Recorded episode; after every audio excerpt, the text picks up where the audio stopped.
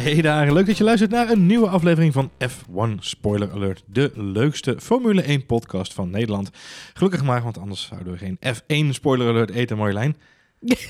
Nee. Nee, dan zou er een hele andere naam moeten kiezen. podcast over tennis maken, maar daar Dat weet ik niet zo heel veel Nee, van. Love Game, Spoiler Alert. Ook direct als een hele slechte romcom of zo op de een of andere manier. niet mijn sport. Nee, wat, ro- romcoms bedoel je? Of, eh, Oh, die vind ik wel leuk. Die dan weer wel. Ja, ja, maar eh, nee. Hey, welkom Marjolein bij deze nieuwe Formula 1 Spoiler Alert update. We zijn eh, op weg naar, eh, naar Sochi. Volgens mij reden. Zijn wij op weg naar Sochi? Dat zou leuk zijn, hè? Oh, dames en heren, welkom in het vliegtuig naar Sochi. Nee, zou ik helemaal niet leuk zijn. Ik heb niet zoveel verloren in Sochi. Jij wel misschien? Ik zag Nico Helkenberg, die was er. En Nou, die was in Moskou. die was in Moskou Ja. en die zei, it's cold as fuck. Ja, ja die had ook een eh, soort van beverboog op zijn hoofd gezet. Ja, dat het heel koud is. Maar eh, Sochi ligt natuurlijk niet eh, in een heel koud gebied, Nee. normaal. Want ik heb me laten vertellen dat ze bij Sochi juist een soort subtropisch klimaat hebben. Ja, klopt inderdaad, ja. een soort strandplaats. Waar Een soort Zandvoort. Waar op dit moment de, afgelopen 24 uur vooral een subtropische storm aan het woeden was. Kijk. Dus veel regen. En, Net als bij ons, want wij kregen ook storm dit weekend. exact. Dus ze zijn nog niet over uit wat het dit weekend gaat brengen. Parallellen te over. Oh, leuke parallellen. Dolle parallellen. zeg, ik kan geen bruggetje vinden, Marjolein. Spijt me. Gaan we het over Zandvoort hebben? Nou nee? ja, daar gaan, we- gaan we straks over hebben. Leuk, Oh. ook- een parallel. Ja. Ehm, maar we beginnen natuurlijk, want dat hebben we beloofd vorige keer in de vorige aflevering, met de leukste reviews van deze week.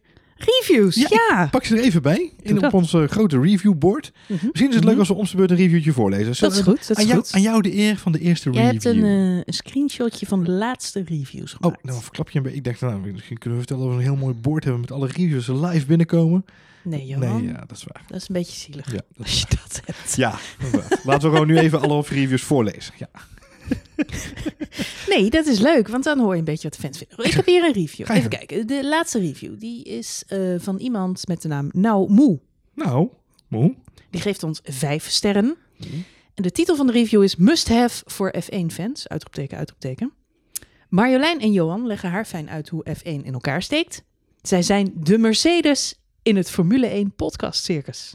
Met dit verschil dat het iedere race een 1-2'tje is voor spoiler alert. dit is echt een leuke review. Ja, dat, ja. Dit is echt cool. Ook even emoji race uit de emoji, emoji Ja, ja, er knallen, emoji emojis bij. omhoog. En, En een kusje. emojis, kusjes Nou, erbij. Nou, Wat zijn nou, jullie leuke moe. luisteraars. Serieus. Moe. Dit is tof. Ja, nou, en op zich verschilt het dan niet zo heel veel van de Formule 1. Eigenlijk, ja, alleen dan de laatste paar wedstrijden. Dat we een, een Mercedes Wij zijn de Mercedes van het Formule 1 podcast. Ik vind het echt lief. Ja, de Dankjewel. vraag is dan een beetje Dankjewel, nou wie... Dan ben ik een beetje de Bottas naar jou Hamilton, zullen we maar zeggen. Ja, een beetje Ja, wel. Zullen we het dan maar zo houden? Komt qua, vrouw, komt qua vrouwelijkheid ook beter overheen, hè? Ja. Toch? Even 1,48 is gaan rijden. Ik hou het even, ik hou het even kort en bondig. Mhm. De tweede review is van eh Niek, hashtag Malt Experience. Dat is geen hele is experience, maar een Malt Experience. Geheel alcoholvrij. Ik wou zeggen, ik wil bijna een Joep van Dek grapje maken. maar dan, dan lijk ik heel oud. Goed. Eh Niek, zijn eh, review eh, is ook vijf sterren. Daarvoor dank Niek. Mhm. Hij noemt ons de leukste van de F1 podcasts. Dus, puntje, puntje, puntje, uitroepteken, Marjolein. Daar gaan we. Echt een van de betere reviews. Maar wel vijf sterren. Dus Kijk. het- hij is heel blij. Daar gaan we. Nou, nog eentje dan. Want, eh Hebben jullie nog eentje? Ja? Ja, laten we eh, doen. Even kijken hoor. Het, het- het zijn, we hebben echt al veel reviews. Wat tof zeg. Ja, leuk hè? Eh, eens nou, oh, nou, we hebben nog twee leuk. Hier, even kijken. Dus eh, trouwens, ik zie geen één ster. Het is niet zo dat ik alleen maar de goede eruit filter. Maar de laatste vier zijn toevallig allemaal vijf sterren. Sorry daarvoor. Ja, sorry daarvoor jongens. Eh, even kijken, hier heb ik leuke podcast, vijf sterren. Eh, leuke podcast. Marjolein en Johan zijn een leuke combo met genoeg Formule 1 kennis. Genoeg, hè? genoeg, niet te veel. Het houdt niet over. Niet te weinig? Moet een beetje bijspijkeren. Ja. Om een interessante podcast te maken. Fijner om te luisteren dan alle andere Nederlandse F1-podcasts. Nou, nou, nou, ja. nou. Ja. Er zijn meerdere leuke podcasts hoor. Zeker. Maar, En ook ehm, Nederlandse schijnt er ook wel te zijn. Ja. Ook Nederlandse podcasts schijnen ook leuk Overigens, zijn. deze review zie ik is door Johan, eh, eh, eh, Johan en dan Romeinse cijfers. Oh, dat ben jij zelf. Ehm, dit ben ik niet.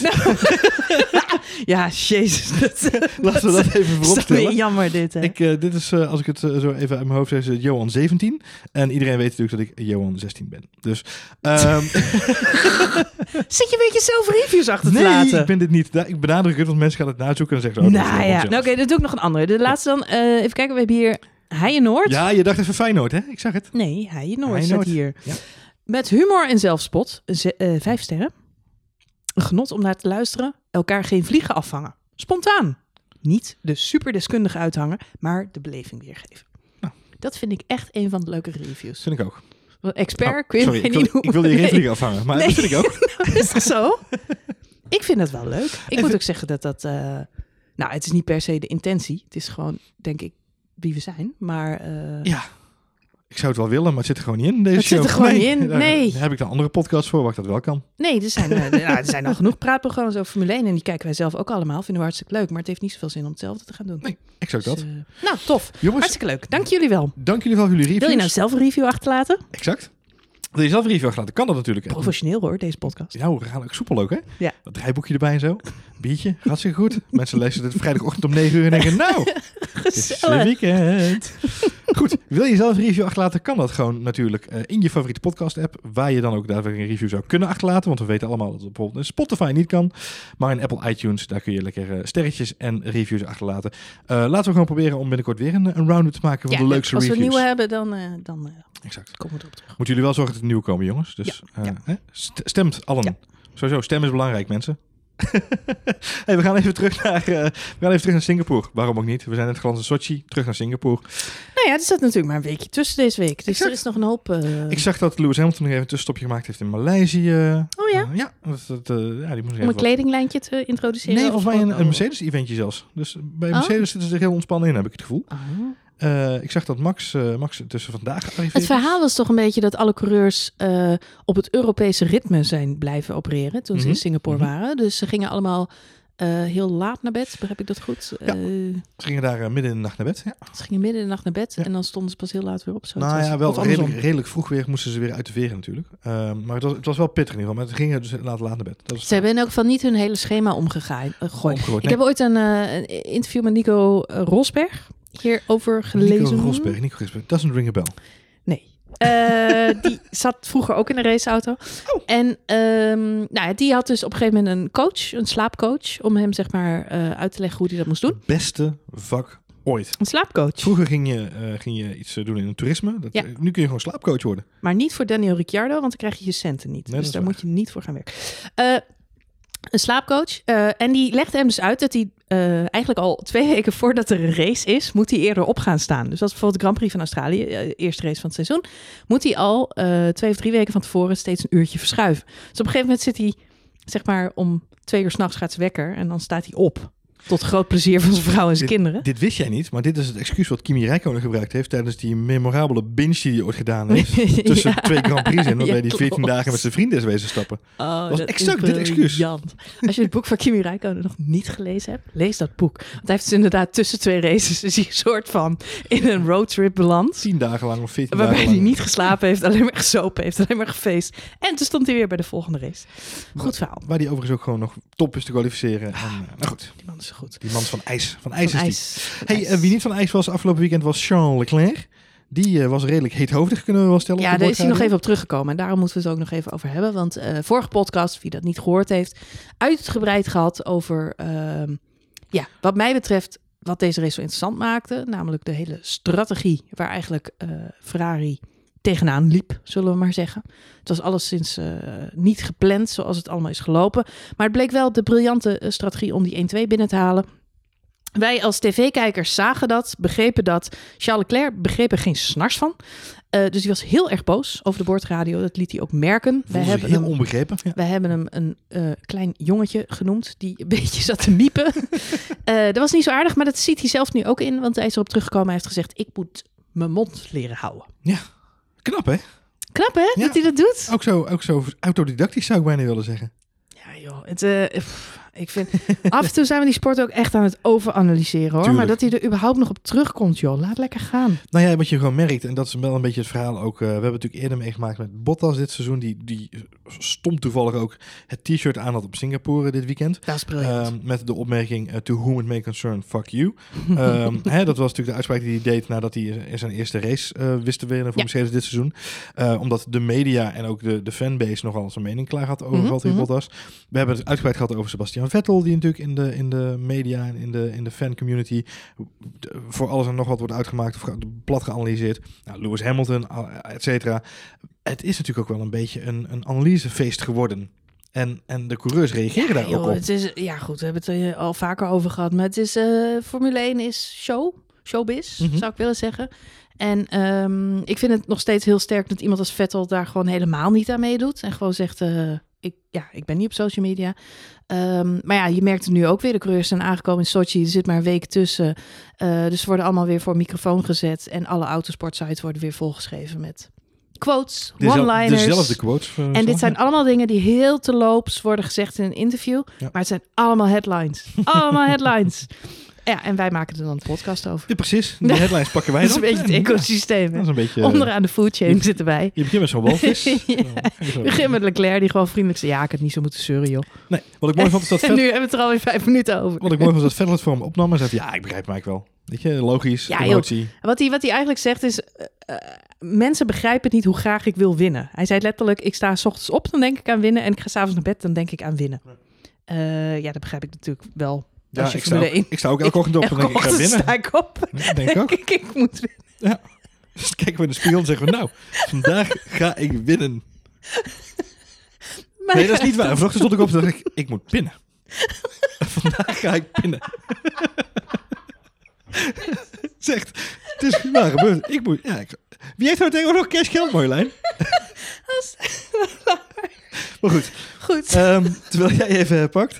ehm Vettel is daar natuurlijk weer even teruggekomen. En eh, eh, Leclerc heeft zich keurig geëxcuseerd voor zijn, eh, voor zijn winnaarsmentaliteit. Wat natuurlijk ook heel vreemd is. dat dat dat- is super raar. Waarom moet je je daarvoor excuseren? Het Ja. is toch goed dat hij die heeft? Dames en heren, welkom in Media hij is wel een 2019. enorme surpiet. Maar ja, Dat is Hamilton ook. ja, ik wou het zeggen. Hamilton ook. Die is er al bijna zes keer wereldkampioen mee. Dus Eigenlijk is dan, als je, als je dan hebt over twee verschillende spectra tegenover elkaar. En heb je dus aan de ene kant heb je, heb je Leclerc en Hamilton, die dan zeg maar alles plat zeuren. En dan heb je aan de andere Mhm. kant heb je Kimi Räikkönen, die dan als de minst zeurende kampioen ooit, zeg maar. Kimi Räikkönen denk ik vaak van... als die de mentaliteit had gehad van een Max Verstappen... was hij gewoon tien keer wereldkampioen geworden. Dan werd hij elke ochtend wakker, ik moet drinken. ik moet nu drinken. hey, ehm, Goed. Goed, wat eh, daarop doorpakkend. Vettel heeft nu gezegd in de media. Het is waanzin om te denken dat we met Ferrari op alle circuits gaan winnen met Ja. deze auto. Ehm, feit, Maar is dat gaan wel, ze natuurlijk wel doen. feit is wel dat ze natuurlijk een aantal hele slimme upgrades hebben gedaan aan de neus vorige week eh, eh, rondom Singapore. Dus ze hebben echt wel een paar hele slimme trucjes doorgevoerd. Wat buiten kijf staat is dat die auto verschrikkelijk veel paardenkracht heeft. Echt, dus de stoeptegels daadwerkelijk in Maleisië, of, Singapore uit de straat getrokken heeft, zou ik bijna willen zeggen. Ehm, dat weten ze dan nu dus te combineren met eh, stuurbaarheid, downforce, et cetera. Ook Max Verstappen heeft gezegd van het is wel heel vreemd hè, dat het ineens, die combinatie ineens goed valt voor Ferrari. Nou ja, laten we wel wezen. In Singapore waren zij eh, weliswaar in de kwalificatie de snelste. met een hele mooie pole position van Charles Leclerc. Maar Ferrari realiseerde zich ook dat zij op snelheid niet die Grand Prix konden gaan winnen. En dat is ook de reden dat ze uiteindelijk ervoor hebben gekozen. Eh, laten we die race maar eh, stilleggen. Met een eh, rolling roadblock, zoals autosport.com het noemde. In de vorm van Charles Leclerc. Ehm, eh, enerzijds was het natuurlijk om die pitstop uit te stellen. Want je wil maar één pitstop sparen. daar, een ja. bandje sparen. Nou, de rest van het veld die schikte zich daarin, deed er lekker mee. Anderzijds is het niet zo dat ehm, Ferrari op snelheid super dominant was in die race. Nee. Eh, want eigenlijk viel juist op dat alle teams heel dicht bij elkaar zaten. Alleen het was een circuit waar je amper kon inhalen. Ja. Eh, en iedereen wilde banden sparen, dus niemand nam risico. Daarop hebben ze uiteindelijk eh, de race gewonnen. En niet omdat die auto nou super, de super, de super, de super, de super Nee. Eh, race snelheid heeft. Maar goed, als je het combineert, en dat, dat is ook wat Max Verstappen volgens mij vandaag eh, tegenover de, de opgetrommelde media zei. Als je het vergelijkt met inderdaad de eerste seizoen, hè, de eerste paar wedstrijden van het seizoen. En voornamelijk Hongarije, waar we het ook al in de podcast over hadden. Waarbij ze wel op het podium eindigden, maar op een minuut van de rest van het veld. Mhm. Ehm, als je dat verschil dan nu ziet met afgelopen weekend, dan is dat wel behoorlijk extreem. Dus ik snap Vettel wel dat hij even wil toelichten van jongens, luister, we gaan nu niet in één keer overal eh, als winnaar uit de bus komen. Wat ik me wel afvroeg, ehm, want ook Lewis Hamilton heeft natuurlijk zijn mondje weer eens geroerd. En hij heeft gezegd, het gevecht is nog steeds springlevend. Ja, dat is natuurlijk de grootste bullshit. we kunnen het hier wel over hebben, maar eh, eh, nou, we sloten vorige podcast af. Van we zullen even die cijfertjes erbij pakken. Ja, Hoe ik, zal, ik, zal, nou ik, zal, precies? ik zal even de podcast, of, de, sorry, de, de WK-stand erbij pakken voor je. Dat is dan even, terwijl jij de cijfers erbij pakt. Of, of wil jij hem eh vast overnemen? dat zijn de cijfers, toch? Ja, oké. Ja. Ik vind wel dat je nu een beetje vliegen aan het afvangen bent, Johan. Serieus. ja, ik moet het ergens doen, Marjolein. Nee, ja, de WK-stand. Nee, pak hem er even bij. Ja, WK-stand als volgt. Hm. Eh, op nummer 1, Brazilië. Nee. Ehm, eh, Lewis Hamilton, uiteraard nummer 1, 296 punten. Valtteri Bottas nummer 2, 231, eh 231 punten. Charles Leclerc en Max Verstappen op een gedeelde derde slash vierde plek met 200 punten. En daaronder staat Sebastian Vettel op 194 punten. En de rest doet officieel niet meer mee. Nee, dat Dat verschil is wel we groot, afschrijven. Ja. Eh, wat ik daar nog wel over wil zeggen, maar daar moeten we misschien een andere keer in de podcast een keer over hebben, is dat het middenveld echt super dicht bij elkaar zit. Extreem. Maar dat zie je ook in de races. Eh, Ja. Nou, het- ik vind het bijvoorbeeld heel opvallend dat eh Ricciardo blijft natuurlijk wel bij Renault. Dat is logisch, want hij had nog een contract en ze betalen, 55 miljoen. het zeggen, bizar veel geld. Dus die doe je niet zomaar weg. Maar Hulkenberg en Ricciardo, die schelen maar een puntje. 34 om 33.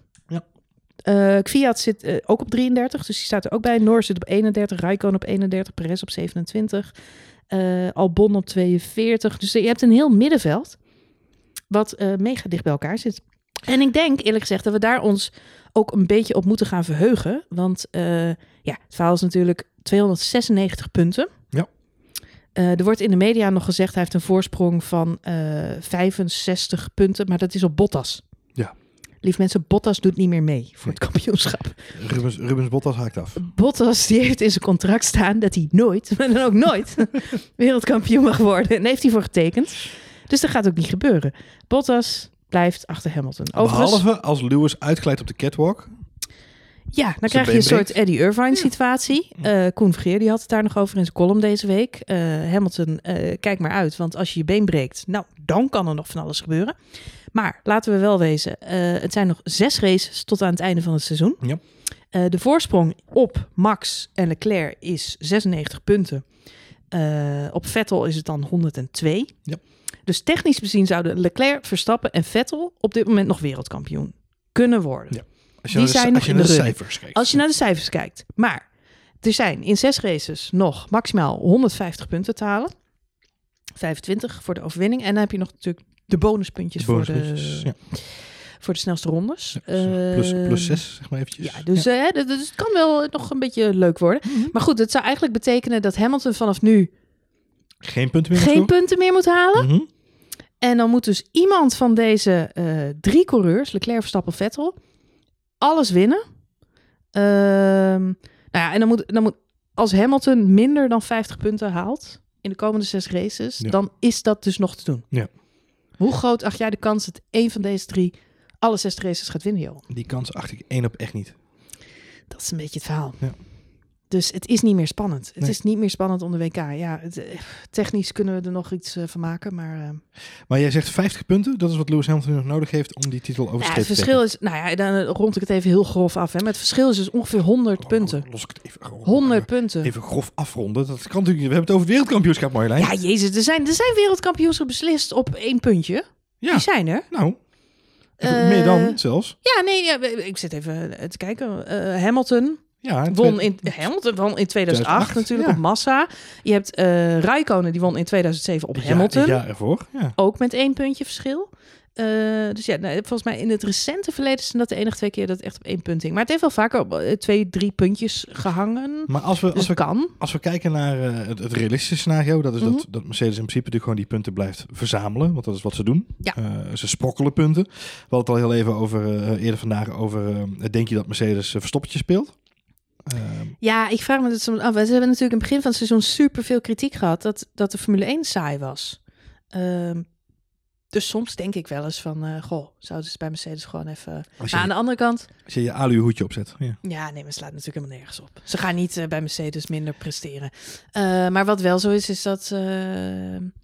ja, dus die Ferraris hebben wel snelheid gekregen. Nou ja, maar dus, dus die spanning is terug. Maar goed, de, de- weet je, ondanks, het ondanks het feit dat eh, eh, Mercedes dan misschien wel of niet verstoppertje speelt. Mhm. eh, Bottas op dit moment de enige, of, sorry Bottas, Hamilton is op dit moment de enige coureur die alle races in de punten is geëindigd. Alle races. Er zijn al- 15 races gereden. Hamilton is de enige coureur op de grid Nou. Elke race punten. Nou, zelfs Hockenheim, waar hij inderdaad volgens mij eh, drie keer een pirouetje maakte, Yes. eh, zijn laarzen aan gaan Wordt hij uiteindelijk negende, omdat die twee Alfa Romeo's gedisqualificeerd worden. Exact. Dus zelfs daar weet hij nog een puntje te halen. Ehm, Ja. Met andere woorden, als we kijken naar eh, wat realistisch is, dan weten we dus allemaal dat Mercedes die punten waarschijnlijk wel bij elkaar blijft sprokkelen. Mhm. Dan vind ik het leuk, want jij hebt, je hebt een heleboel papieren voor je liggen met allemaal kleurtjes en cijfertjes en ik ben dol op su- ik ben, wat dat gaat, Deze podcast is data-driven. Deze is data-driven. We zoeken nog een sponsor. Oh. Dus als je iets met data-driven doet, sponsor dan deze ja, podcast. leuk.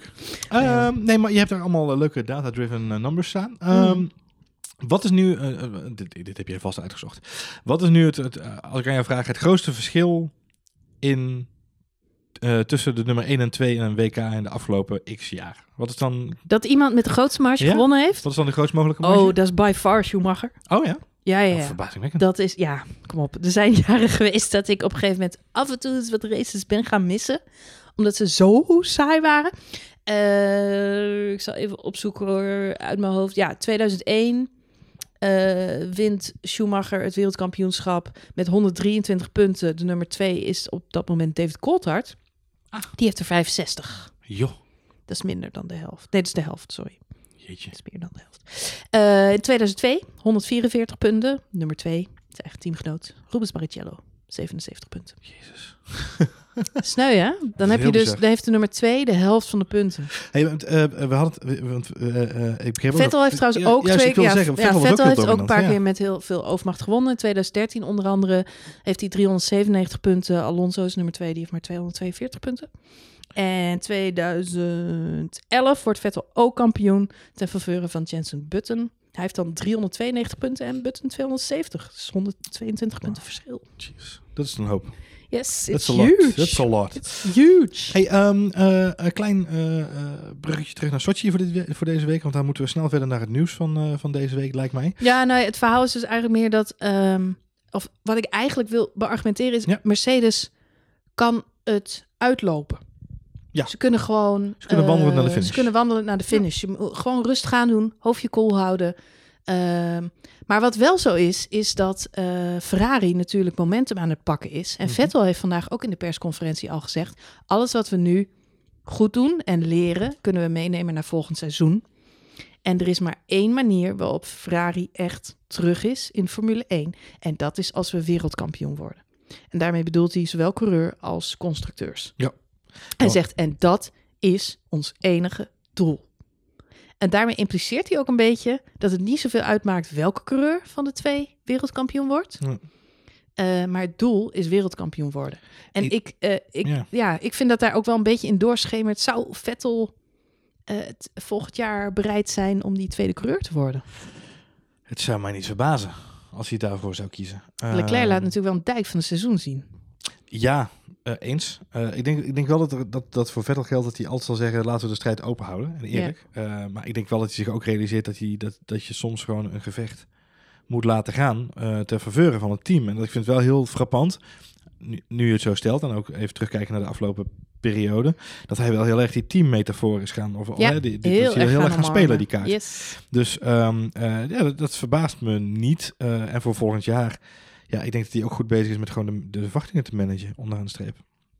Onderaan de streep staan ze er allebei goed voor. Hè? Want Leclerc staat nu wel zes puntjes voor. Maar ze staan allebei eh, nog steeds eh, goed in de punten. Z- zes wedstrijden te gaan, dat betekent dat Lewis Hamilton eh, de komende wedstrijden gewoon, gewoon rustig vijfde of zesde kan worden. En dan, Ja, ter vergelijking vorig jaar rond deze tijd had hij 256 punten. Dat is een verschil van 40 punten. dat is een hoop. Dus hij heeft dit jaar, dit jaar al 40 punten meer. En vorig jaar, voor de mensen die het nog kunnen herinneren, eh, had hij eigenlijk ook op het laatst drie of vier races waarin hij wereldkampioen kon worden. Zo groot was zijn marge. Nu is zijn marge echt nog veel groter. Kort, Dus, eh, kort samengevat mensen, championship is doomed. Championship is doomed, maar dat betekent niet dat we vanaf nu saaie races gaan zien. Gaan zien. Want dit kan wel betekenen dat eh, ja, Ferrari eh, natuurlijk echt een dijk van een eh, laatste stint maakt aan het einde van het seizoen. Dat is in die zin interessant, omdat we dan echt een kentering in de sport zien. Als je naar de eh, uitslagen van vorig jaar kijkt, was het precies andersom. Ferrari startte het seizoen supergoed. Eh Vettel won een aantal races juist voor de zomerstop. Ja. Stond ook voor in het kampioenschap. Iedereen dacht dat Vettel kampioen zou gaan worden dat jaar. En ineens na de zomer ja, draait het om. En begint eh, Mercedes ontzettend goed te scoren. Nu zie je eigenlijk het tegenovergestelde van vorig seizoen. Dus dat zou betekenen dat na de winterstop, ja, Ferrari er ineens weer lekker bij zit. Wat bij Honda aan de hand is, eh, daar kan ik mijn vinger nog niet helemaal opleggen. En Hm. Max dus blijkbaar ook niet, want die laat ook weten dat hij niet weet hoe dat precies zit. Ik heb wel het gevoel dat ze bij Honda ehm, een beetje risicomijdend bezig zijn. Dat wil zeggen, ze hebben, pakken nu in Sochi pakken ze een gridstaf. Ehm, dus Max gaat eh, vijf plekken terug op de grid eh, na de kwalificatie. Omdat ze een nieuwe motor laten eh, erin zetten. En ze willen dan natuurlijk de volgende race in Japan heel graag goed scoren. Omdat dat de. Thuisrace is naast de fabriek van Honda. Ja, ze, ze doen natuurlijk een behoorlijke update aan de motor. Eh, eh, niet eens een hele grote update aan de motor zelf. Bij Fiat gaat er wel het een en ander helemaal gewoon compleet uit. Want alle Toro Rosso, of sorry, alle Honda-rijders, ook Toro, Rosso, ook gaan, eh, gaan penalty pakken waarvan Fiat dus inderdaad de, eigenlijk alles laat vervangen in zijn auto zo'n beetje. Een van de belangrijkste redenen waarom ze dat doen overigens, heb ik gelezen, is inderdaad omdat ze gewoon een extra motor in de pool wil hebben voor de rest van het seizoen. Want hierdoor kunnen ze makkelijker eh, motors uitwisselen. Want er gaat gewoon een spec 4 in. Die, daar reden ze al mee dit weekend. Eh, er gaat gewoon dezelfde motor nog een keer in. eh, alleen dan eh, een nieuwe. Ehm, dus daardoor kunnen ze wat makkelijker hebben. ze Wat meer betrouwbaarheid naar het einde van het seizoen toe. Ja, maar, Maar- betrouwbaarheid is precies het woord. Ze zitten op betrouwbaarheid bij Nou ja, dat, het, ik realiseerde me vandaag dat, dat los van, van het feit dat het Honda is, want daar gaat het helemaal niet om. Want ik denk dat de samenwerking Red Bull-Honda vele malen succesvoller is geweest dan dat we van tevoren allen hadden ge- gedacht eigenlijk. Hè. We waren misschien wel veel banger geweest voor een veel donkerder scenario dan dat we hebben gekregen dit seizoen. Ik denk dat we positief, ik, tenminste, ik ben positief verrast, laat ik dat vooropstellen. Eh, maar ik realiseerde me wel toen ik vandaag over na te denken van, ik, ik kan me niet meer heugen eh, wanneer ik voor het laatst bij Mercedes heb gehoord dat ze een gridstraf hebben gepakt omdat ze door hun pool van motoren heen waren eh, buiten de regels om. En dat is denk ik onderaan de streep ook waar kampioenschappen gewonnen worden. Eh, en dat is iets waar ze voor volgend jaar, als ze echt willen gaan strijden om het wereldkampioenschap, eh, bij Red Bull toch echt wel een beetje over moeten gaan nadenken hoe ze dat willen gaan managen. Want als Nou, dan absoluut, ja. En, en natuurlijk die, eh, die motor gewoon wel vol opengooien. Worden Max afgelopen race ook weer, staat hij gewoon onder druk van Hamilton. Hij zegt, I need more power. En dan Ja. is het, sorry, dat kunnen we niet doen. Met andere woorden, er is wel een optie om die motor nog verder open te schroeven. Maar dat durven ze simpelweg niet, omdat ze bang, bang zijn dat hij dan ploft. Ja. En dat wil Honda absoluut niet. Dat Nou, hebben ze met McLaren te vaak meegemaakt. exact Killing geweest voor het merk. Eh, dus geen ploffende motors van Honda. en zeker niet op weg naar eh, Japan waar ze natuurlijk willen gaan Dat is shinen. gewoon een afspraak. Even snel een brugje afmaken. Ferrari staat op de brink om dit weekend een, eh, een interessant record te evenaren. Als, Mhm. ze, als, ze een, als ze een overwinning zouden pakken. Dat zou dan namelijk voor de eerste keer zijn sinds 2008 dat ze vier wedstrijden achter elkaar weten te winnen. In 2008 won eh, Kimi Räikkönen, ehm, eh, won Kimi Räikkönen in Maleisië, Felipe Massa in Bahrein, eh, Kimi weer in Spanje en vervolgens Massa weer in Turkije. Lekker om en om, goed gedaan. Nou, nu hebben we natuurlijk te maken met twee keer Charles Leclerc en één keer Sebastian Vettel. Dus mochten ze dit weekend wel strijdbaar zijn, ja, dan zouden ze zomaar een mooi record kunnen gaan evenaren van uit 2008 alweer intussen. Goed, Ehm, tijd om even wat, eh, wat nieuwtjes eh, erbij te pakken Marjolein, want we blijven een beetje hangen in eh, Singapore. We moeten juist een Sochi toe. Ja, Ehm, we hadden het net over ja, je hebt Sochi. helemaal gelijk. Je hebt helemaal gelijk. Ehm, een beetje vliegafhankelijk, Marjolein. Eh, de, de, ik wil even met je hebben over die kalender van 2020. We hebben het er vorige week al heel even over gehad in de uitzending. Toen gaf je ook al aan dat er vanuit de coureurs en ook vanuit de betrokken partijen rondom het Formule 1 circus toch best wel wat opmerkingen zijn gekomen op die kalender. Er komt natuurlijk een race bij. Eh, en dat schijnt voor de meeste mensen eh, behoorlijk heftig te zijn. Nou ja, Max Verstappen die heeft zich eh, deze week inderdaad negatief uitgelaten. Hij zegt ehm, eigenlijk, er zijn te veel races. 22 races, hij zegt is te veel. Eh, niet eens zozeer voor de coureurs, maar vooral voor eh, het personeel wat in de sport werkt. Die kunnen net zo goed meteen eh, een scheiding aanvragen. Want die zijn gewoon nooit meer thuis. Dat is het verhaal. Ja. Hij zegt, alle grote bazen in de Formule 1... die komen pas op zaterdag, bij wijze van spreken, of vrijdag invliegen. Zondagmiddag gaan ze tijdens de race vaak alweer naar huis. Hij zegt, de mensen, de mechanics, de mensen die de pits opbouwen... die zijn er al op maandag. en die gaan de maandag erop pas weer weg. Dus ja, die, zijn, die hebben geen leven meer. Behoorlijk heftig. En hij krijgt eh, bijval inmiddels. Er zijn eh, meerdere eh, mensen, eh, ook houtmethoden, die nu zeggen van... eh, ja, dit, dit, dit gaat niet goed. Eh, omdat je eigenlijk de hardst werkende mensen in deze sport... eh, Benadeeld, ja. ja, benadeelt. En allemaal voor, voor ja, de commercie, de media, et cetera. Minimale winst, zeggen de meeste mensen ook inderdaad. Ja. Ja. En eh, dan zat ik te denken, het is natuurlijk ook wel zo, er zitten een paar races bij die we helemaal niet nodig hebben. We gaan nu naar Sochi. Ja. Wanneer kan Sochi van de kalender? Eh, volgens mij na Kijk, volgend als, jaar. Ja. Als, als fan wil ik natuurlijk wel graag zoveel mogelijk races. Maar aan de andere kant denk ik ook, ja, Nou ja, de spreiding is natuurlijk wel een dingetje. Hè? Want we hebben natuurlijk nu een, we hebben al een redelijk lang seizoen van maart tot december dit jaar. Ja. Eh, we eindigen echt daadwerkelijk in december. Dus voor het eerst, jaar, of tenminste, eh, gevoelsmatig voor het eerst. Kan misschien wel eerder zijn voorgekomen, maar toch. Ehm, eh, kijk, we- in principe hebben we elke twee weken een race. Dat is een, dat is een prima eh, ritme, lijkt me. Mm, De, tegelijkertijd hebben we volgens mij volgend jaar op de kalender al zeven back-to-back weekends staan. dat is echt fors. pittig. Het is gewoon echt pittig. En als je dan dus realiseert dat. Ik weet dat wij, eh, eh, toen we op Paul Ricard waren vorig jaar, om daar de race te bezoeken, dat wij doorreden naar ons vakantieadres en dat we onderweg de trucks tegenkwamen van eh, McLaren en van Renault en van Red Bull. Eh, die overigens nog vrolijk toeterden naar onze Max-patches achterin. Daarvoor nog dank Red Bull. Ehm, eh, die jongens gaan pakken in en zijn eigenlijk dezelfde dag dat wij al te rijden waren, gingen zij ook alweer op pad naar de volgende race. Eh, en dat is echt wel, best wel een heksenjacht onderaan de streep. Dus die, ja, vooral die back-to-back weekends lijken me behoorlijk slopend. En ja, in Europa wordt er heel makkelijk gezegd, ja jongens, even de vrachtwagens in, dan gaan we. Dat lijkt me echt wel heftig. Ja, er stond op Autosport deze week ook een artikel waarin gezegd wordt: luister, de Liberty Media heeft natuurlijk de hele circus overgenomen. Eh, dus je moet je ook voorstellen dat Bernie Ecclestone runde dit vroeger. Ik zeg niet dat het amateuristisch was, eh, maar het is natuurlijk allemaal nog veel groter en commerciëler geworden. Er zijn nieuwe bazen bijgekomen. Er worden ontzettend grote salarissen eh, uitbetaald aan mensen die daar op hoge posities zitten. En wat die journalist in het stuk eigenlijk eh, zegt is, eh, ja, die, die, die hoge salarissen, die moeten ook verantwoord kunnen worden. Ja, ja, klopt. Dus plakken ze maar gewoon races erbij. Want hoe meer races, hoe meer werk en hoe logischer het is dat iedereen meer salaris krijgt. Het is een heel typische Amerikaanse benadering van de sport. Want als je kijkt Ja. naar bijvoorbeeld NBA of NFL Yes. of eh, Major League Baseball, ook die sporten zijn de seizoenen extreem compact geworden. En, en niet zozeer, niet zozeer uitgemolken. lang, maar gewoon Ja. echt die, die sporters worden kapot gemaakt bijna. Ja. En dan heb ik het hier, dit zijn echt fysieke, nou ja, goed, dat is Formule 1 ook, maar deze jongens, eh, de basketballers spelen gewoon iets van 80 wedstrijden in een jaar, geloof ik. Eh, en een jaar is dan maar vijf maanden of zo. Dus dat is echt extreem. eh, op een hele korte periode, heel fanatiek. En dat, ook en daar geldt, ja, marktwerking zou ik bijna willen zeggen, van, op het lichaam van de sporter. Lijkt mij geen goede ontwikkeling. Al- als we kijken naar die kalender, ehm, moeten we toch even heel snel kijken naar, eh, naar onze vrienden van Zandvoort. Ja, die moeten er niet vanaf. Maar eh, ja, nee, ik, ik wou Sochi en Frankrijk, die mag je van mij dan wel skippen. Als je dan toch races moet gaan inleveren. Ja, en zijn, gaan we Ehm. stemmen op een Sochi, eh, dat we bij het autodromen op Sochi weggaan. Maar dat er wel een Russische Grand Prix zou blijven. Maar goed. Ja, ja, goed, eh, dat kan natuurlijk. Maar goed, dan heb je ook weer Du- eh, Duitsland. Staat volgend jaar ook niet op de kalender. Die moeten natuurlijk gewoon weer terug. Dus eh, Nee, je bent ja. er zomaar niet. Dus er zijn een hoop die er afvallen inderdaad. Ja. Ja. En er komen er ook wat bij. Maar Zandvoort? nee, ja, Zandvoort. Ja. Zandvoort. Ja. goed. Zandvoort was deze week natuurlijk weer uitgebreid in het nieuws. Ehm, Tot er is een ja.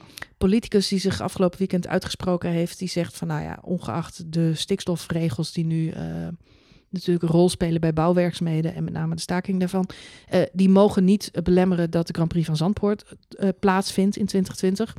Eh, ja, dat, ik merk dat het online tot heel veel controverse eh, Leidt. leidt. Ja. Er zijn echt mensen heel erg boos over. Wat ik wel vervelend vind is... eh, ja, die hebben natuurlijk een veel groter klimaatdebat... wat op dit moment over de hele wereld eh, gevoerd wordt. Wat ik heel erg goed vind. eh, eh, waar ik heel erg achter sta. Ehm, maar wat ik wel vervelend vind om te zien... en ik kreeg van meerdere mensen op Twitter deze week reacties daarover...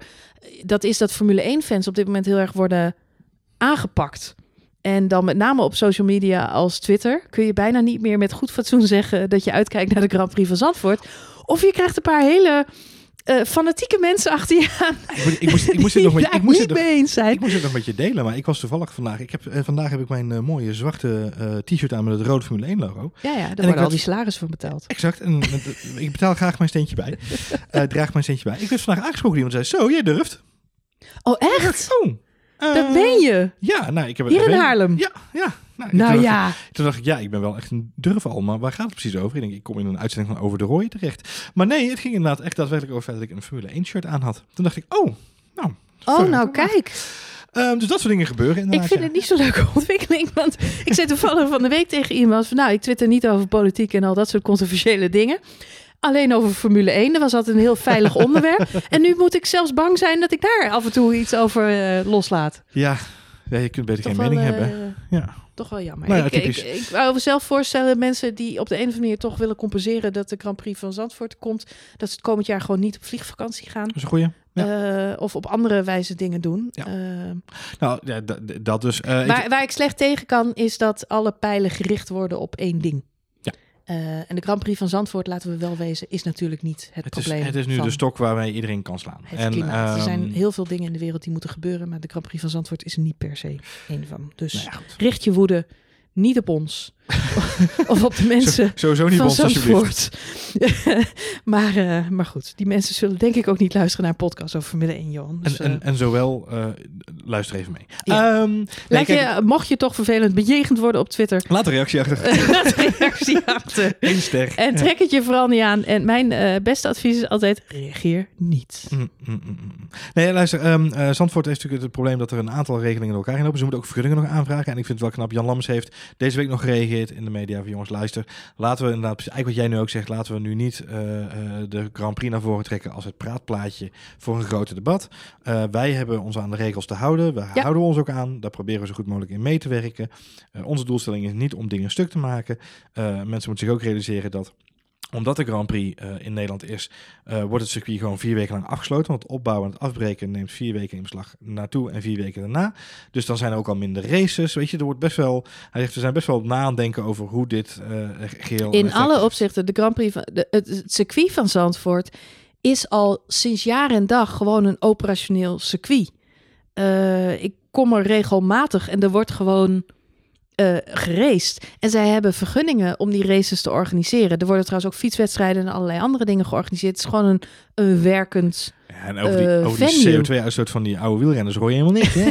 Nee, maar ze hebben daar eh, een vergunning voor, voor van wat daar mag rijden. Sowieso de uitstoot die ze- hè, de raceauto's zelf maken is natuurlijk niet het probleem.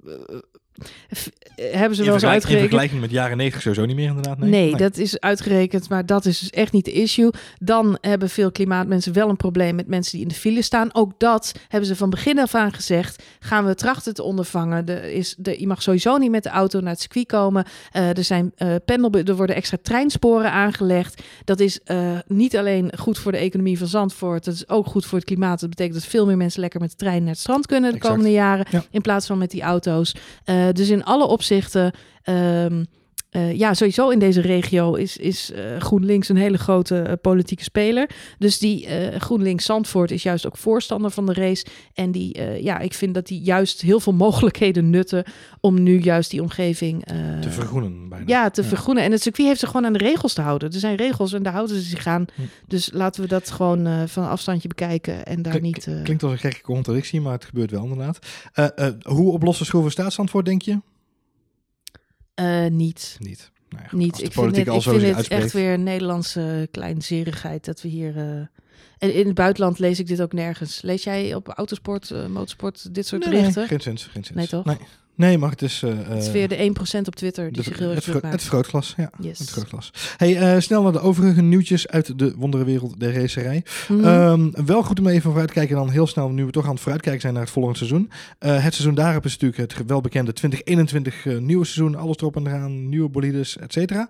Een van de dingen die ook genoemd wordt, eh, is dat er dan ook eventueel nieuwe teams zouden gaan meedoen aan de Formule 1. Ze willen natuurlijk ook eh, de grid gaan uitbreiden met nieuwe spelers daarop. Saillant detail. Ross Brown heeft een tijdje geleden geroepen, eind augustus ongeveer. Nou jongens, ik kom om in de aanvraag van mensen die, eh, die zich willen melden bij ons, die willen gaan starten in de Formule 1.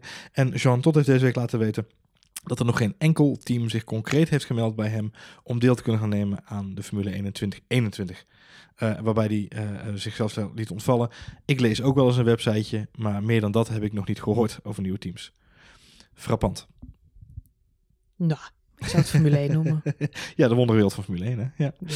Hey, en eh, eh, laatste voordat we ons echt naar Sochi gaan, eh, gaan verplaatsen eh, met de voorspellingen, eh, is dat we dit weekend in Sochi, we zijn er nu toch, een nieuwe Schumacher, weer een Schumacher eh, op de grid gaan zien. Weer een Schumacher in de racerij, ja, dat klopt.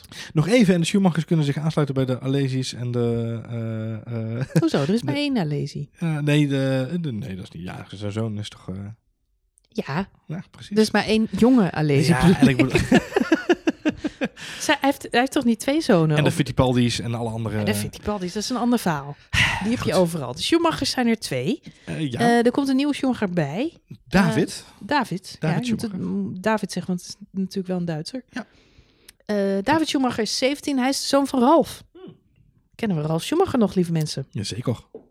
De, de lesser known, maar hij heeft nog steeds... eh, Ik heb in deze podcast wel eens verteld van eh, dat boek wat ik gelezen heb van die mevrouw die in de catering hm, in, ja, ja. Eh, en zij vertelt hele leuke verhalen over Ralf en Michael in, in wat ze kennen, Michael Schumacher goed. Michael Schumacher is natuurlijk de wereldkampioen, de succesvolle, et cetera. En Michael Schumacher heeft er eigenlijk een beetje voor gezorgd dat zijn broertje Ralf ook Formule 1 is kunnen gaan rijden. Maar Ralf heeft een hele andere mentaliteit. Dus die... is een zeggen als je is een beetje een slacker, zeg maar. Zo komt hij ook over in dat boek. Die, die kwam gewoon... eh, eh, ja, die kwam dan naar het circuit en dan zei hij... Hi, ik ben de broer van Michael Schumacher. Mag ik erin? Ik ben mijn kaartje vergeten. Er was natuurlijk geen hond die hem geloofde. Maar dan moest zij hem weer ophalen bij, de, bij, bij, de, bij het hek. Zo, ja, dat klopt. Dat is Ralf. Laat Ja. hem maar binnen. Hij hoort bij ons. Ralf hoort bij ons. Ja. Ja. Nee, hele mooie verhalen. Maar goed, zijn zoon is eh, David Schumacher. Ja. Hij is 17. Hij gaat En Formule 3 rijden dit weekend. Formule 3, deze race. Dat is de laatste race in de Formule 3. Ja. Hij vervangt namelijk eh, Alex Peroni, Ja. die laatst eh, natuurlijk crashte. Hey, en eh, eh, onze vriend eh, Schumacher rijdt nu in de Formula, Formula Regional European Championships. Yes. En hij heeft daar tot nu toe best wel goed gereden op zich. Even kijken, drie pole positions en drie overwinningen. Ja, dus ja. Dus nog geen, nog geen Schumacher record, maar het is wel een... Nou, het zou, het zou toch uh. Kijk, wat... eh, wa- ehm, ik, voor de mensen die Beyond the Grid deze week hebben geluisterd. Beyond the Grid. Beyond the Grid, dat is de podcast van de Formule 1 zelf. En ze hebben daarin een interview met Jos Verstappen. Ja. Heel erg mooi interview. Kan aanraden om daar nog naar te luisteren, als je dat nog niet hebt gedaan. Ehm, ja, Jos Verstappen, dat verhaal kennen we allemaal. Hij was natuurlijk juist de niet geslaagde Formule 1 rijder. ehm, die heel jong ook al in die sport eh, stapte. Geen mentor had, geen coach had. Achteraf zegt, ja, hè, met de kennis van nu had ik toen andere keuzes gemaakt. Maar heb ik er spijt van? Nee. Want het is gegaan zoals het gegaan is. En tuurlijk, ik was fysiek niet klaar om in die auto te gaan zitten. Ik heb waarschijnlijk voor het verkeerde team gekozen. hij had van alle teams kreeg hij namelijk een aanbod. Behalve Ferrari en nog één andere geloof ik. Maar van alle teams kreeg hij een contractaanbod. Toen heeft hij uiteindelijk bij Benetton getekend. Omdat dat het enige team was wat hem twee jaar wilde vastleggen. Maar ja, Flavio Briatore. We kennen allemaal hoe dat eh, verhaal is afgelopen. Ja. Tweede jaar mocht hij gewoon niet meer terugkomen. Werd hij wel bij een andere ren renstal ondergebracht. Mocht hij daar nog gaan proberen. Maar goed, uiteindelijk, als je eenmaal weg bent bij een topteam, kom je nooit, nooit, nooit, nooit, nooit meer boven Jan. Never ever ever. Never, ever, ever. Maar daarmee eh, is eh, wat Jos heeft meegemaakt natuurlijk wel de perfecte opvoeding.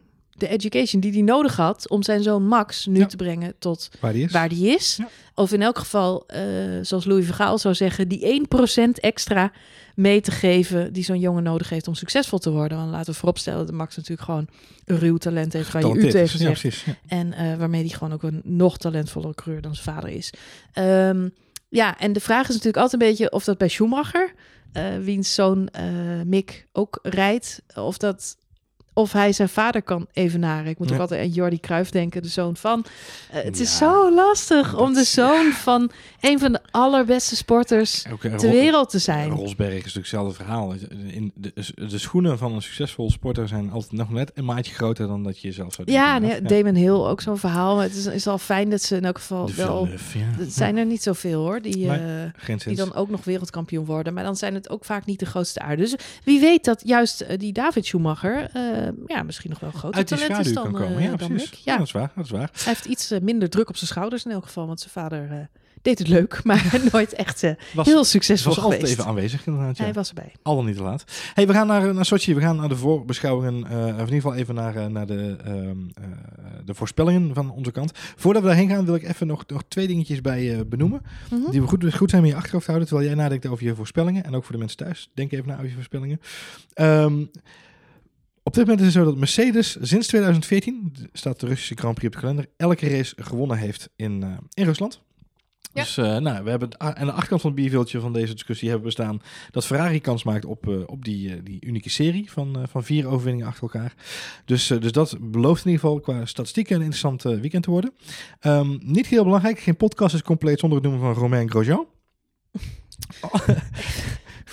Ik luister wel eens een podcast terug, maar het valt mij op dat jij altijd over Romain Grosjean ik ben begint. stiekem lid van de... op- Altijd. Ik, ik ben stiekem lid, voorzitter en Word jij hiervoor betaald door Rich Energy? Wat is dit? Serieus? door Netflix. Ehm, dat, dat was een hele leuke anekdote die ik van de, ergens hoorde deze week. Dat ze inderdaad zeggen dat Romain Grosjean waarschijnlijk gesponsord is door Netflix om nog een jaar bij Haas te mogen rijden. Oh man.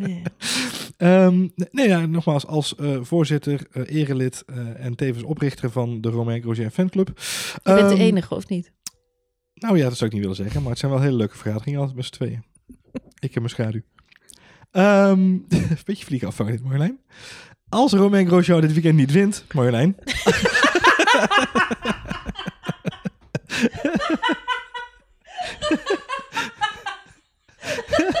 en die kans is aanwezig. Dit wordt de beste statistiek van de aflevering. Als Romain Grosjean dit weekend niet wint, en die kans is aanwezig, want het zit haast niet mee, vooralsnog. Maar wie weet hebben ze een upgrade gevonden. Dan komt hij met stip de top 5 binnen van coureurs met de meeste race starts zonder een overwinning. Oh, daar stond hij nog niet in. Nee, daar stond hij nog oh, niet in. hij had daar nog voor zich Martin Brundle op de vijfde plek. Maar eh, Romain Grosjean, als hij dit weekend niet wint, en nogmaals, die kans is aanwezig, je weet het niet. Dan komt hij op 159 race starts zonder overwinning.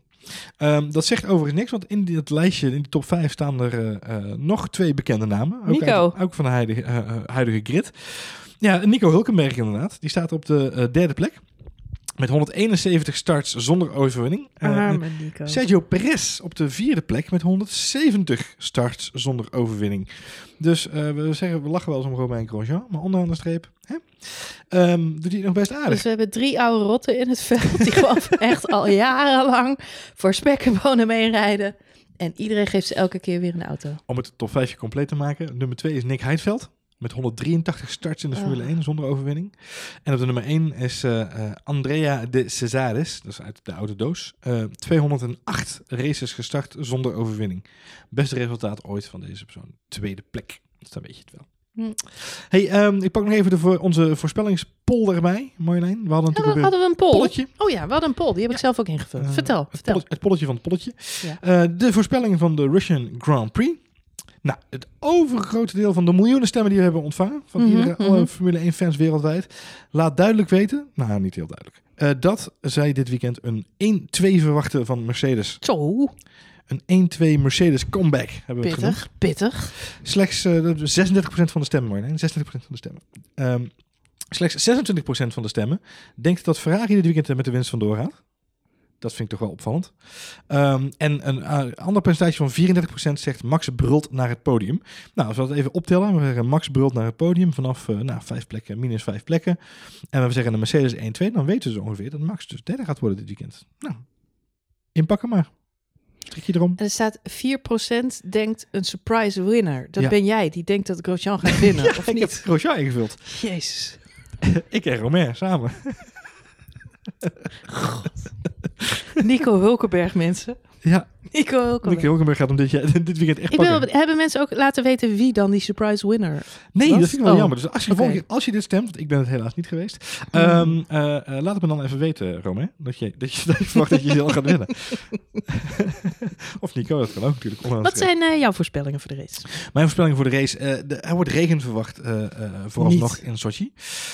Wat, wat fijn zou zijn als dat zo zou zijn. Ehm, maar goed, de weersvoorspellingen van de Formule 1 zijn ongeveer zo betrouwbaar als de weersvoorspellingen van het KNMI, wat dat gaat. Eh, dus alles wat er voor vandaag voorspeld is, geloof ik morgen al niet meer. Maar laten we ervan uitgaan dat het wel regen wordt. Dan eh, verwacht ik een, eh, een, een spannende terugkomrace van Max Verstappen. Want die moet natuurlijk wel wat achteraan beginnen. Dus ik, heb een, ik, ik vermoed dat Lewis Hamilton wel deze race gaat winnen. Ik vermoed dat Sebastian Vettel zich naar een tweede plek gaat knokken. En dat Max Verstappen daar als derde bij aansluit. Zo. Daarnaast verwacht ik op zijn minst één safety car. Eén safety car. En Mhm. Één iemand die het handje van Poetin weigert. Hmm. Hmm. Hmm. Hmm. Neem even een slokje van mijn drankje hoor. Denk jij even na. Ik even na. Eh, nou, ik eh, weet eigenlijk niet waarom iedereen Mercedes zoveel kansen toedicht. Ik weet het ook niet. Misschien omdat ze de leider in het kampioenschap zijn. Ik vind dat iedereen een beetje elkaar na eh. Vind ik ook Marjolein. Dus, Dus wat ga jij doen? nou, ik babbel. Nee, ik babbel niet mee. Mercedes 1, 2, ja. Ik eh, ga tegen de meute in. Oh, leuk. Ik, ehm, Jij zegt Hulkenberg winnaar. Nee, Hulkenberg die, eh, die doet niet meer mee. Even denken. Nee, eh, wat mij... Kijk, Sochi is wederom een snelle baan. Veel lange rechtstukken. Eh, dus eigenlijk is deze baan weer helemaal in het voordeel van Ferrari. Mhm. hebben we gezien in Spa en in Monza. Er zit ook maar een weekje tussen. Met andere woorden, in een weekje kunnen de teams niet zo heel veel verbeteren aan hun auto. Dus Ferrari heeft gewoon nog steeds het voordeel. Mhm, mhm. Eh, dus ik denk Leclerc 1, eh, Vettel 2 en Bottas 3. oh, Bottas 3. Ja, die krijgt natuurlijk nog een, eh, die krijgt nog een zetje van Hamilton. Want dat heeft hij nog openstaan. Ja, Bottas die heeft nog iets, heeft die, krijgt- die heeft nog iets te goed. Vorig jaar mocht dat niet. Toen Toen lag Bottas hij de natuurlijk op de eerste plek. Toen Ja. moest hij aan de kant. Want toen was het zogenaamd nog spannend in het kampioenschap. Mhm. Nou, dat was is nu toen- ook, hè? Dat heeft was- Hamilton niet voor niks gezegd deze week. ook niet echt. Nee, ja, maar wat ik al zeg. Hamilton die hoeft geen enkel risico meer te nemen. Die kan gewoon lachend elke week vierde worden. En dan is hij nog kampioen. Nou. Dus die gaat helemaal niks eh, spannends doen. En eh, Leclerc, nou ja, die, die staat 's ochtends op. eh, eh, denkt hij aan Die winnen. Eh, winnen. Ja. die gaat s'avonds naar bed en dan wil hij nog steeds winnen. Dus Leclerc eh, gaat winnen. Misschien moeten we voor eh, eh, Charles Leclerc vragen of Marco Borsato een speciale versie wil maken van zijn liedje. Vandaag is rood. Nee. Oh. Winnen! Oh. Winnen in zijn hart. Sorry. Voor de mensen die deze podcast luisteren, het spijt me. Oké, Dus dat eh, gaat hem worden. dus jij zegt Leclerc, Ja. eh, Vettel, Ja. Bottas. Ja. En als het gaat regenen, dan, eh, dan is het natuurlijk een ander verhaal. Dan Dan is wint- reverse grid. ja, dan Dan wint wint Max Kubica. gewoon. Oké, oké. Dan wint Max gewoon. Cool. dan wint Max. Ik ga hem noteren, Marjolein. Ja. Dan eh, gaan we afsluiten, gaan we ons klaarmaken voor de eerste vrije trainingen. Die gaan ongeveer plaatsvinden als eh, deze podcast eh al ruimschoots online is. Mhm. Vrijdagochtend hopen we iedereen bereikt te hebben met onze uitzending. Voor nu, ja, heel veel plezier bij het komende raceweekend. Wij zijn er zo snel mogelijk zondag weer met een nieuwe review van de Grand Prix van Rusland. Voor nu bedankt voor het luisteren. Mocht je deze podcast luisteren in een app waar je een rating kan achterlaten, laat dan vooral even vijf sterren achter. Voor minder doen we het niet, Marjolein. Nou, dit mag best minder, maar dan wil ik wel ook opbouwende Onderbouwing. kritiek Ja, we, we staan open voor jullie kritiek. Yes. Sorry, dat vooropgesteld. Mocht je willen reageren, kan natuurlijk altijd naar ons Twitter-account. At F1 Spoiler Alert. Of naar, At Marjolein. of naar, At Johan Voets. met een lange oe. Voor nu, bedankt voor het luisteren. En tot de volgende F1 Spoiler Alert.